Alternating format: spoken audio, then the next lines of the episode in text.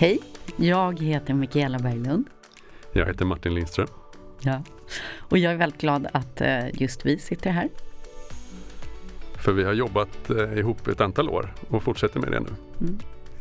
Så att vi har startat den här podden nu som heter Human Core och eh, som är en del i vårt bolag. Och varför började vi jobba ihop då Martin? Ja, men jag kommer ihåg det väldigt väl. Det här, här sju, åtta år sedan så, så träffades vi i ett sammanhang och jag frågade dig vad skulle du vilja göra uh, utöver det du gör nu? Mm. Och då sa du jag vill göra världens bästa ledarprogram. Mm. Och då sa jag det vill jag också. Det var ju mycket roligare att säga världens bästa än att säga ett ganska bra. Ja. Och sen har vi jobbat på det. Och vi, vi, vem vet om vi är vid målet, men vi, vi ska fortsätta mot det i alla fall. Mm. Och jag tror det intressanta var inte just för mig, det här världens bästa, det är liksom så jag pratar och så här. Men jag tror det intressanta var just att vi hade precis samma vision om vad det innehöll för ingredienser. Ja, det är sant. Det är sant. Uh, att, och att vi tyckte var... inte det fanns. Någon, nej, nej, tycker vi fortfarande nej, inte. Tycker inte. Liksom. Och det handlar ju mycket mindre om balansräkning och situationsanpassat ledarskap och slå någon kursbok i huvudet på folk och så. Utan mycket mer om att för att verkligen utvecklas som människa och som ledare så behöver alla öka sin självinsikt. Ja, och att väva ihop eh, ett sätt att säga det, det professionella och det personliga. Men, men det hårda och det mjuka då. Att väva ihop det så att det blir, att det blir en individ av det, inte två. Mm. Och vi är båda liksom besatt, besatta, jo men vi är besatta av det som händer med människor när man går inåt i sig själv. Ha? Och att just vi kommer att prata om det i kommande avsnitt och sånt. Att just att vi har så otroligt mycket svar ha? på de stora frågor som vi alla lever med inuti oss själva. Mm. Och hur mycket snabbare det kan gå att hitta fram i de svaren mm. när man gör det i en tillitsfull miljö med andra människor. Och när du säger gå inåt så kan det låta lite läskigt ju, för har vi, nu har vi pratat en hel del om det här. Men gå inåt kan ju också innebära att börja glutta lite grann på vem man är mm. och sen ta, ta ytterligare steg på det. Eller bara vara tyst. Eller bara vara tyst. Mm. Ja, och den här podden då, vad ska vi göra med den, tycker du? Prata om viktiga saker. Mm. Prata om saker som vi själva bryr oss mycket om. Mm. Och se vad det blir för något. Och vi bryr oss ganska mycket om eh, ledarskap, vi bryr oss om miljön. Ja. Vi bryr oss om människor. Ja. Det är väl de tre sakerna vi bryr oss om. och kärlek och barn ja. och relationer. Vi bryr oss väldigt mycket om relationer. Ja. Och vad det är som skapar tillit och vad är psykologisk trygghet. Och ja. sådär. Så jag tänker att vi, vi kommer liksom babbla på eh, i den här podden ganska ohejdat. Och vara ganska nyfikna i våra frågor tror jag. Ja. Mm. Jag kommer vara väldigt nyfiken på dig. Ja, detsamma. Ja. um, ja, så det är kul om någon vill lyssna men annars trivs nog vi ganska bra att sitta och prata. Ja. Du behöver inte ens sätta i sladden. Nej, Nej. sitter du och leker podd. Ja.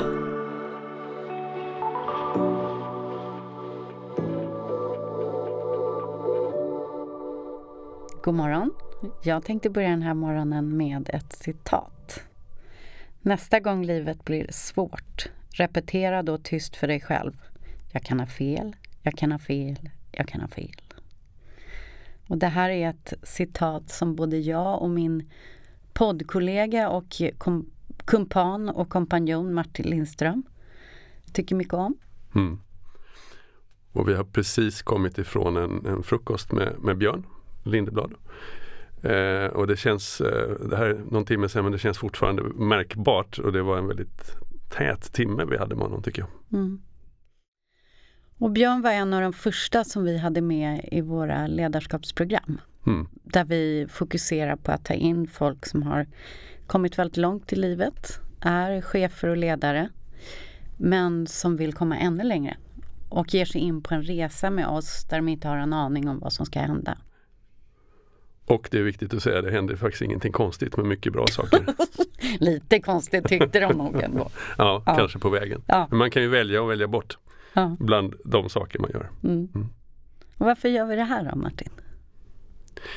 Nej men vi gör väl det för att vi tycker att det här är en viktigare väg att gå än många av de andra vägar som man ofta väljer när man kanske inte trivs med det man gör eller man känner att det finns någonting mer där borta.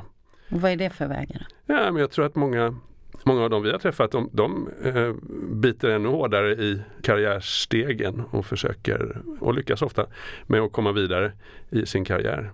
Mm.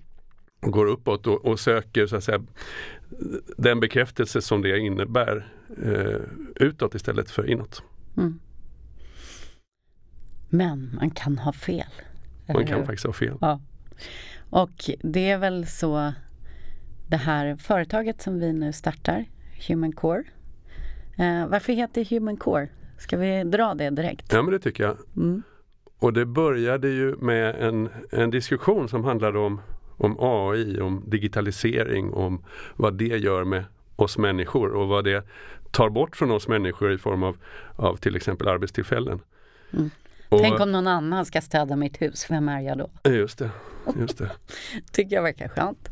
Och då kom vi fram till i den diskussionen att det, att det, det finns ju någonting som är en, en kärna i varje människa.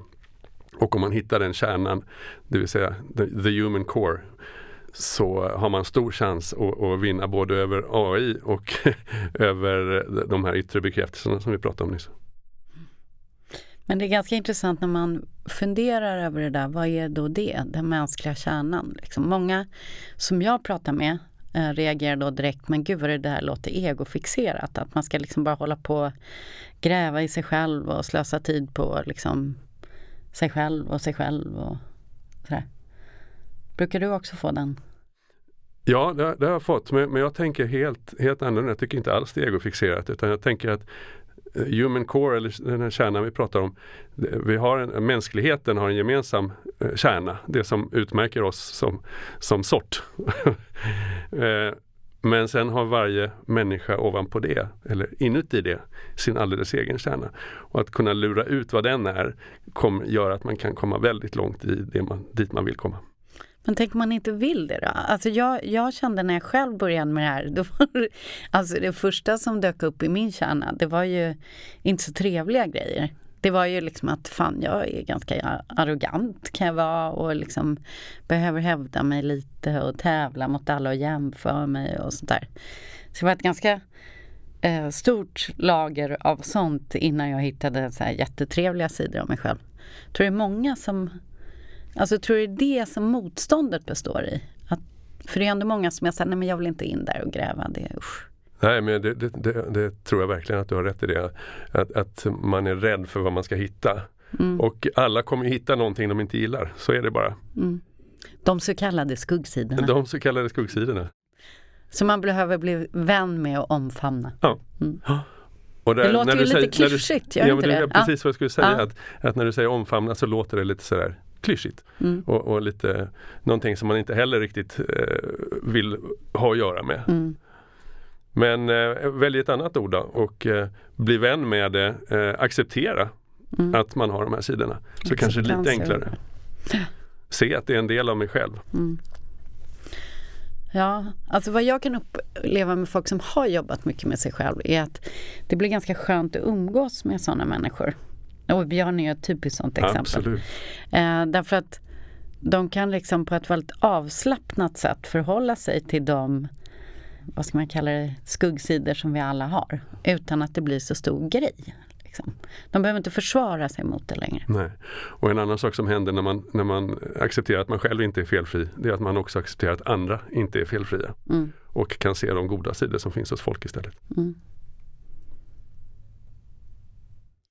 Och frågan är ju liksom det där om alla, tänk om, tänk om vårt samhälle var sånt att man fick lära sig det här i skolan. Mm. Hur, hur, skulle liksom, hur skulle människor bli om man en timme i veckan eller två timmar i veckan till och med fick prata om så här, vad kände jag på skolgården idag när, när folk bråkade? Eller hur kunde jag ha varit en bättre kompis? Eller vad gjorde jag fel idag? Mm. Och utan att det känns konstlat. För det är lätt att, att, att, när jag lyssnar på dig nu så, så blir det rätt att ja, men nu ska jag gräva i det också, vad, hur jag kände på, på skolgården. Ja, men det, om det blir en naturlig del av, av tillvaron så, så kommer det hjälpa mycket. För det värsta är att det där som hände på skolgården, det lever man ju ändå med. Ja, visst. Det finns där oavsett om man vill se det eller mm. inte. Och vi har inte kommit dit ännu. Tänk om vi kommer dit, det vore fantastiskt. Men jag, jag tänker då på hur få år sedan det är, om man säger tio år då, mm. som det var ganska omöjligt att prata om det vi pratar om nu i, i ett eh, ledningsrum eller ett styrelserum. Mm. Det hörde liksom inte dit, det var inte del av, av tillvaron på jobbet. Mm. Skulle man hålla på med sånt fick man minsann sköta det för sig själv mm. hemma. Och vad har det lett till tror du?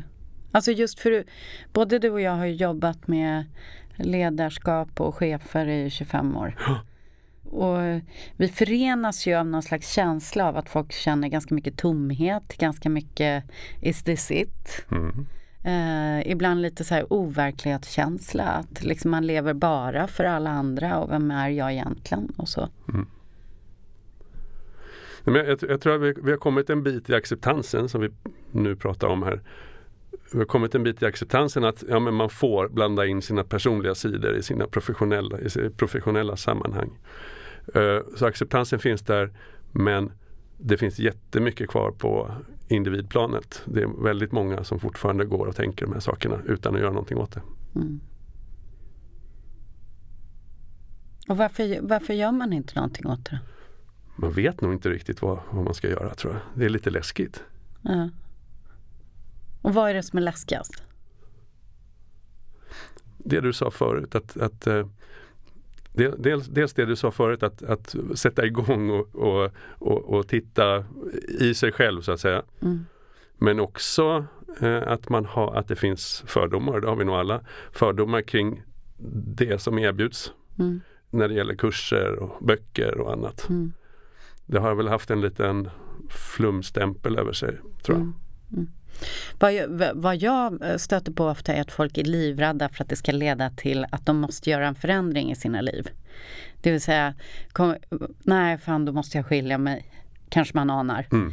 Eller då måste jag göra upp med min mamma. Liksom. Det orkar jag inte. Eller jag måste säga upp mig från mitt jobb och starta ett bageri i Italien. Mm. Eller något så här. Kanske, inte, kanske inte just nu, man kanske inte vill ha ett bageri i Italien, men mitt i corona. Men kanske. kanske. Alltså, men, men för någonting som hör till det här som jag kan säga, vara helt fascinerad över, det är att jag tror i Sverige så är det liksom det här som, som vi ju skrattar åt, the American dream. Liksom att amerikanerna de bara åh Trump är så bra för att han, han personifierar the American dream.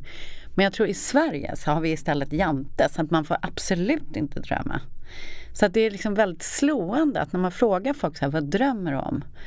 Så väldigt, väldigt sällan så får man ett tydligt svar. Mm. Och om man får ett tydligt svar då är det förvånansvärt ofta eh, öppna ett litet pensionat på Österlen. Just det. Inte ett bageri i Italien mm. faktiskt. Ja. Eller flytta till Gotland som en del gör. det är bara konstiga människor ja. som du som till Gotland. Ja. Mm. Eh. Nej, men jag, jag, jag, tänker på att det här att, att våga, våga titta lite inåt och se vem, vem man egentligen är. Det som man ersätter det med och det har, har, vi nog alla gjort under, i alla fall under en tid av våra liv och många under en lång tid av livet. Det är ju att titta på vad andra gör och eh, följa någon slags eh, följa andra i, en, i, en, eh, i ett sammanhang som man själv väljer. Det kan vara en arbetsplats eller det kan vara ett kompisgäng eller det kan vara någonting annat. Att hänga på där och se till att vara så konform som möjligt i det, det ger ju en trygghet. Eh, och i det här kan också vara att ha en viss inkomst eller någonting annat. Så det blir en ersättning. Men det, där kommer man ju inte så mycket längre. För man, man blir bara lik de andra. Man blir inte du, sig själv. Du menar att folk istället för att drömma själv så använder man andra som någon slags måttstock över vad man borde drömma om? Ja, ja. precis så. Och jag tror att vi, vi, vi alla känner faktiskt igen oss i det. Mm.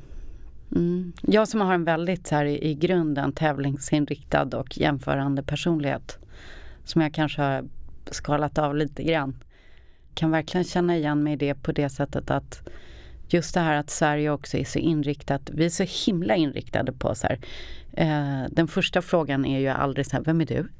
Utan det är alltid, vad gör du? Mm. Eh, vilket gör att då måste man ju se till att man gör något som är, liksom, passar i det kontext där man är. Mm. Det kan vara helt olika saker. Men tänk att man, eller tänk att många finner sig i den här eh, vad ska vi säga, olust eller obehagskänslan av att inte riktigt eh, vara den man är eller göra det man vill egentligen göra. Bara för att, bara för att man eh, känner att man passar in i ett, i ett sammanhang. Men är inte det naturligt? Då? Jo. Vi människor är ju flockdjur. Liksom. Nej, Om det, man, är, det är inte konstigt.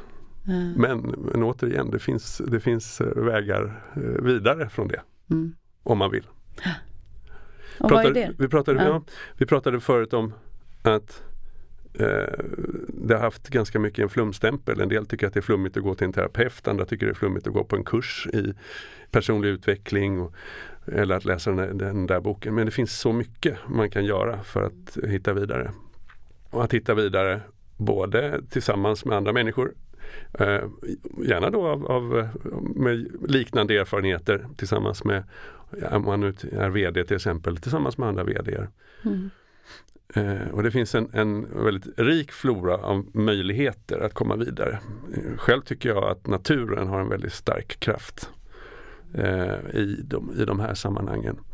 Att vara, en, att vara själv, att vara ensam ute i naturen utan distraktioner. Eh, då har man chans att komma väldigt nära sig själv. Men kan inte du berätta lite då om din så här, resa? Om vi sitter här och babblar om att man måste hitta in i sig själv och så Mm. här. Varför började du känna det? Du var ju också så här, chef och jobbade i näringslivet och Mm. liksom. Ja, men så var det. Det var- Men det var någonting hela tiden som, som inte fick näring Mm. eh, hos mig. Eh, och jag med, med nyfikenhet.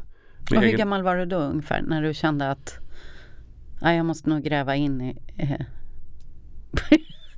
jag måste nog gräva lite i mig själv. Eh, nej men t- 30 30-35 då började det kännas ordentligt skulle jag säga. Börja klia. Ja då började klia. Ja. Då kände jag att den här, den här vägen som jag försökte gå eh, var inte den effektiva vägen för att komma dit. Nej. Eh, och, Och hur kändes det? Ja, men det, det, känd, det, det, det handlar om att känna mening i det jag gjorde varje dag egentligen. Mm. Eh, jag, jag behöver en motivation för, på morgonen för att känna att nu ska jag göra någonting riktigt bra idag. Och den fanns inte riktigt där.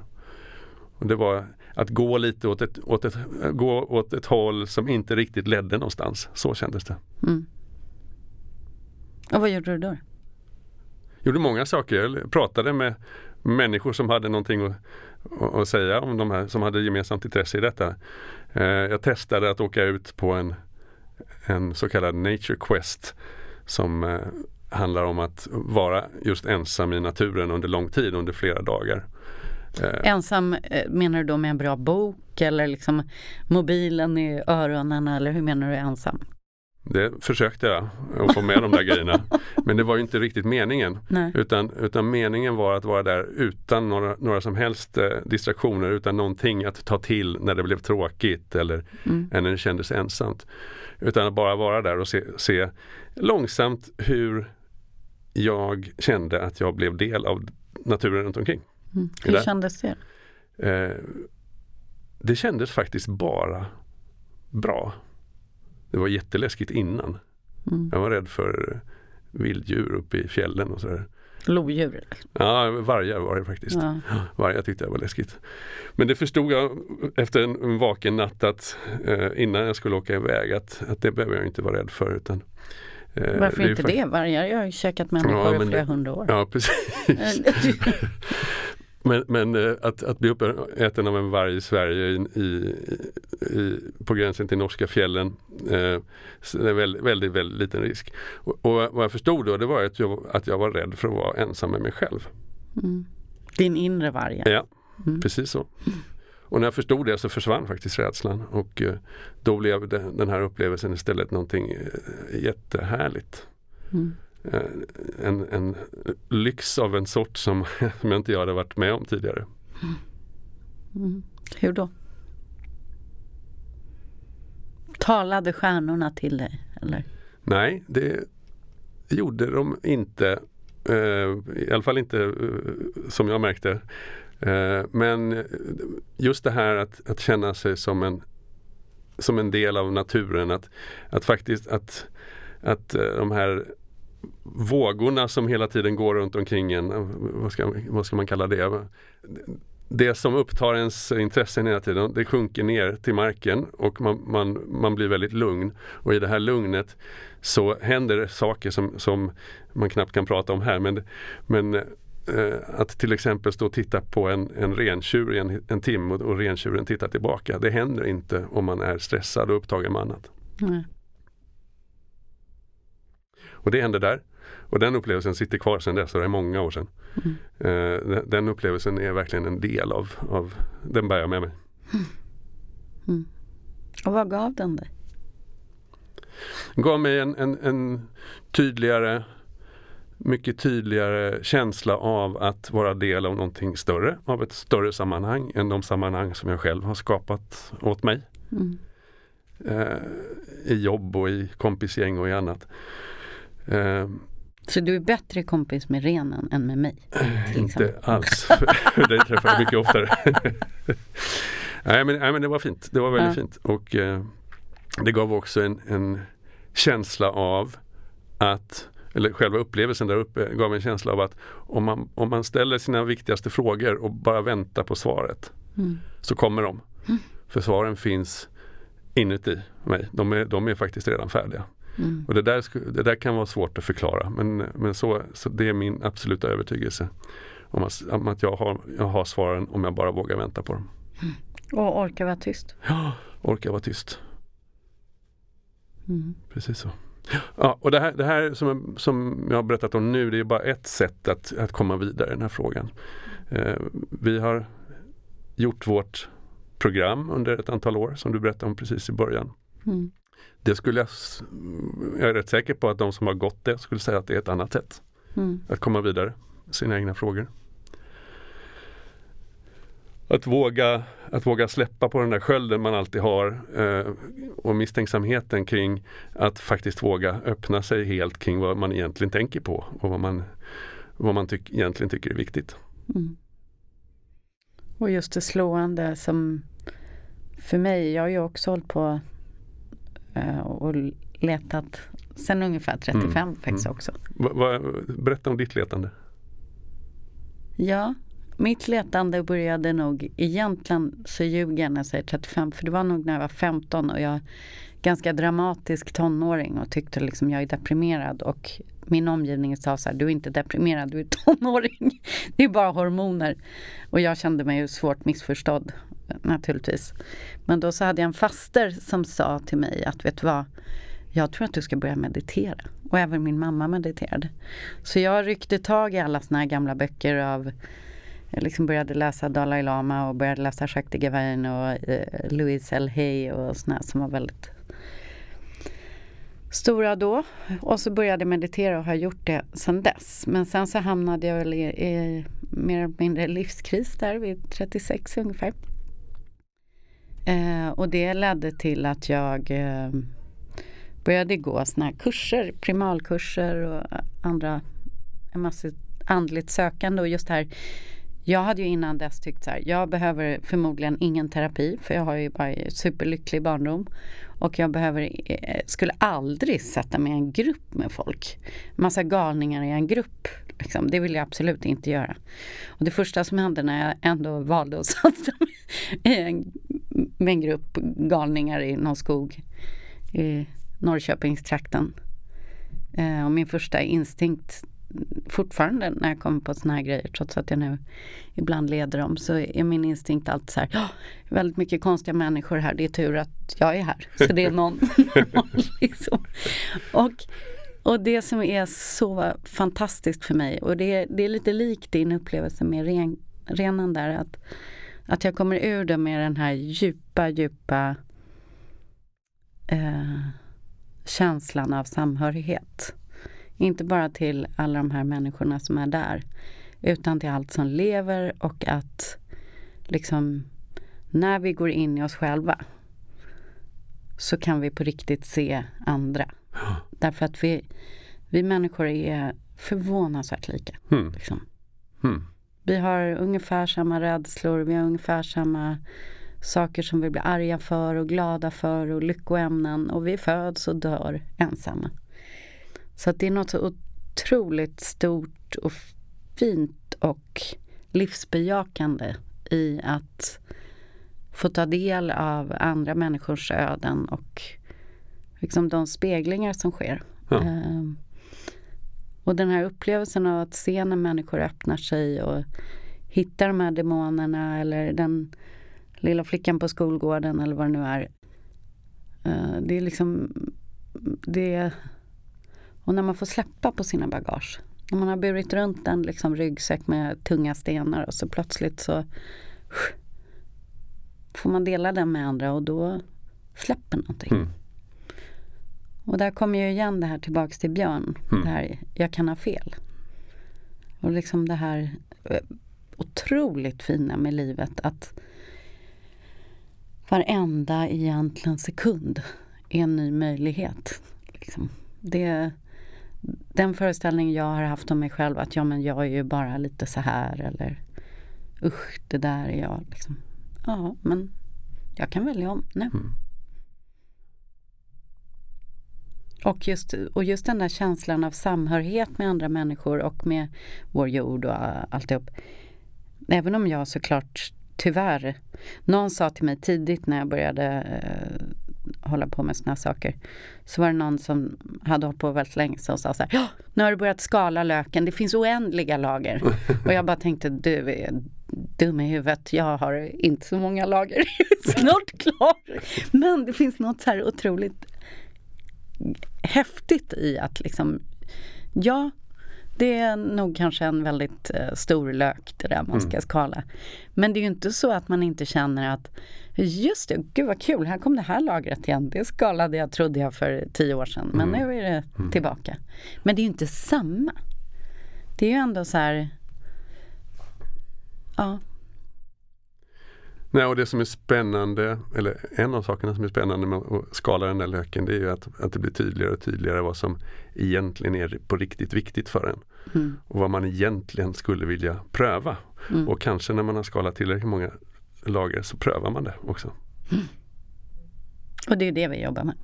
Det är det vi jobbar med. Så ingen lökhackning men vi skalar. Nej, men jag tänker också på det här, eh, tillbaka till min den där tonåringen som eh, väldigt dramatisk. Så jag kommer ihåg att min eh, faster då sa till mig så här, Mikaela, livet består av ett antal dörrar. Och de här dörrarna öppnar sig då och då i livet. Och så kan du välja om du vill gå igenom dem eller stanna. Det är alltid ditt val. Men ju fler dörrar du vågar gå igenom, och det gör ont. Varenda gång du går igenom så gör det ont. Men varenda gång du går igenom så kommer du djupare och djupare in i dig själv. Och rummen du möter blir bara större och större. Men jag tänker på din story där med när du åkte ut i naturen. Mm. Liksom för ofta är det ju någonting som gör att man vågar gå igenom en sån där dörr. Eller man vågar prova någonting. Hur var det för dig? Vad var det Mm. som... Ja, men det, det kommer jag ihåg precis vad det var. Jag, jag hade ett väldigt spännande jobb eh, som handlade om att, om att bygga ledarutveckling i, en, i ett stort, stort företag. Och jag fick ju ett uppdrag i det att leta efter, det, leta efter ledarutveckling som ligger utanför allfarvägarna. Det tyckte jag var fantastiskt. Det liksom tillfredsställde både min nyfikenhet och, och jag kände att det var väldigt relevant för det jobb jag skulle göra. Så jag letade runt och eh, forskade eh, genom att prata med människor, inte bara i Sverige utan på andra ställen också. Och, och råkade då hitta den här mannen, personen som, som är kanske bäst på att leda de här Nature Quest. Han heter John P. Milton. Bor i Colorado och har ägnat de senaste 40 åren åt att ta ut människor i naturen av just den anledningen att, att eh, hitta sina egna svar. Han har eh, en bakgrund som är både säga, från Irland och, och från eh, ursprungsbefolkning i Nordamerika. Mm. Och eh, den här ursprungsbefolkningsceremonin eller riten som, som Nature Quest kommer ifrån, det är den han har så, och gjort tillgänglig för, för människor av, av vårt slag. Mm. Och hur, alltså, hur, vad gjorde att du vågade då? För det var ju inte så att du höll på med sånt där hela tiden. Och Vad, vad gjorde att du kände så här, nej men nu, nu gör jag det här? Ja men det var nog en sån, det var din dörr, dörrliknelse där i början. Det var en sån dörr som stod öppen. Och jag kände att jag går igenom den där. Det får, det får bära eller brista. Och det bar verkligen. Mm. Eh, det, det, är, det är väl svårare att förklara när man, när man känner den här kallelsen, eller vad man vill kalla det, att verkligen göra de här sakerna som känns lite läskiga innan. Och som är bortanför det som andra gör runt omkring en och bortanför det man själv har gjort tidigare. Mm. Men det, det, känns på något sätt att nu, nu är det dags att göra det här. Uh, och det ångrar, ångrar jag inte en sekund. Jag tror aldrig jag har ångrat en sån sak. Nej, inte jag heller. Nej, men, de, men däremot så är det ju, jag tror många människor som vågar liksom ta en sån där dörr. Mm. Att det, inte alla på något sätt, men jag tror många och jag är en av dem. Att det, det är liksom när fundamenten som man fundamenten skakar lite grann. Det är då man vågar. Eh, så var det i alla fall för mig och för många jag känner att i mitt fall då så mitt äktenskap som jag trodde skulle vara livslångt när jag upptäckte att det kanske inte skulle vara det. Och då, då blir det på något sätt att man, man vågar göra ovanliga saker mm. därför att det här fundamentet som man har byggt och grunden och så här är det. Det skakar ändå? Ja, mm. det skakar ändå så att det blir inte hotfullt mm. på samma sätt. Nej, just det. Jag tänker vidare på din, din fråga där, vad är det som gör att man vågar ta det där steget? Jag tror att det här är olika för olika människor men om man hittar en, en person som någon som ska genomföra en, en, övning eller, eller någon som visar en vägen till någonting. Om man får förtroende för den personen så hjälper det väldigt mycket. Mm. Att se att det finns en, en, en människa bakom det som, som känns läskigt. Mm. Som vågar stå för det. Så att säga. Mm. Och I mitt fall så är det mer en känsla av att eh, och faktiskt lite likt så som Björn brukar beskriva att, att det är som någon så här röst som kanske egentligen i vanliga fall är lite tyst och jag inte brukar lyssna på som mm. helt plötsligt tar sitt ton och bara Du ska åka till Italien och meditera! Mm. Eller mm. Eh, mm. vad det nu är den säger. Men den blir plötsligt högljudd och väldigt påstridig om att det här ska du göra. Mig hjälper det också om jag tänker att den här chansen kommer aldrig igen. Ta den eller, eller sumpa den. Mm. Och det är många av sådana här chanser som inte kommer igen. Ja. en dörr som öppnas just nu, ja. men inte sen kanske. Har du sett den här filmen Sliding Doors? Ja. ja. ja. Uh, för er som inte har sett den så handlar den ju, det är Gwyneth Paltrow. Mm. Mm. Gwyneth Paltrow som, um, ja, hon är lite kär i en man och så och hoppar, och kommer hon inte med tunnelbanan. Eh, där han är. Just det. Just det. Tunnelbanevagnen. Och så lever hon på sitt liv. Men så finns det då ett alternativt liv, vad som hade hänt mm. om hon hade hunnit med tunnelbanan. Men grejen är det att båda liven slutar med att de är tillsammans. Mm. Uh, Bra film. Mm. Undrar om den håller idag. Nej, men det, det var, tror du det? Ja. ja. ja. vi får se den ikväll. Mm. Ja. Ja, nej men frågan är då, om vi går tillbaka till då det här eh, företaget som vi nu startar, mm. Human Core. Vad är, vad är din vision med det? Min vision är att, att eh, min, min, förhoppning är att, att människor som har gått och funderat, kanske inte ens uh, funderat på att göra någonting men funderat på att, att det, det gnager lite, tar sig uh, tar chansen att, att faktiskt göra något för sin egen skull. Mm. Ja, och för du? mig, nej men jag tänker nog så här att eh, jag har ju ett av mina favoritcitat som gjorde sig väldigt så här högljutt i mina öron, speciellt under småbarnsåren och vet, man är två personer som jobbar och småbarn och så vidare. Och så läste jag någonstans ett citat eh, av Osho som är så här Life is not a problem to be solved, it's a mystery to be lived. Och det där tänker jag väldigt, väldigt ofta på. Att just när jag hamnar i sån här, ah, och så måste jag dit och så måste jag dit och så måste jag lösa det och så måste jag skriva det. Och så, då är jag på fel, fel läge. För att det, det är ändå så här, jag har ingen aning. Jag kan dö imorgon eller idag eller så här. och jag måste liksom leva. Eller som också den här gamla filmen eh, Dead Poets Society när de Carpe Diem och allt det där. Så jag, liksom kan man få några människor att känna mer mening Mm. och mer liv i sitt liv. Och också, jag tror en jättestark drivkraft för mig är eftersom jag stöter på väldigt många människor i, och jag har alltid tystnadsplikt i mitt jobb. Får inte berätta för någon vad andra säger och sånt. Men jag stöter ju på så himla många och just att alla tänker så lika. Så att få skapa ett sånt där sammanhang för personlig utveckling i näringslivet eller i, i, mitt i Stockholm, här. Och liksom börja visa folk hur lika vi är. Och, och liksom skapa någon slags mänskligare och mer tillitsfullt klimat, i alla fall i små cirklar. Mm. Så skulle det kännas fantastiskt. Vi har ju i vårt jobb med det här har vi ju valt ut eh, aktiviteter, kurser, filmsnuttar, böcker som vi är- fullständigt övertygade om har, har mycket substans och som fungerar för oss och, för, och vi tror också fungerar för andra. Mm. Så det är ju eh, ett sätt att, att komma förbi den här läskighetsfasen hoppas vi. Mm. Men jag tänker att vi ska kanske, eh, vi ska inte bli för eh, långrandiga idag, Nej. tänker jag. Utan att jag tänker att vi avslutar kanske med vad, dagens boktips. Eller filmtips, förutom Sliding Doors. Mm. Vad skulle du vilja? Men Oj. då, då tar jag den, den senaste bok jag läste och det var faktiskt Björn Lindeblads Jag kan ha fel. Mm. Fantastisk. Och vad var så bra med den? Han har, han har lyckats eh, eh, få in eh, klokheter, visheter eh, på ganska få sidor och, och väldigt, ja, men väldigt tätt eh, i boken från alla hans framträdanden som sommarpratare och som, som turnerande föreläsare och, och annat. Jätte, jättespännande.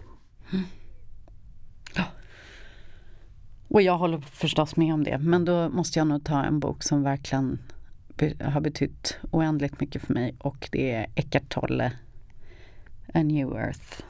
Som handlar om lite grann liknande som Mm. Björn pratar mycket om ordet varsevarande. Mm. Det vill säga total närvarande i närvaro i stunden. Och Eckart Tolle pratar ju också om just the power of now.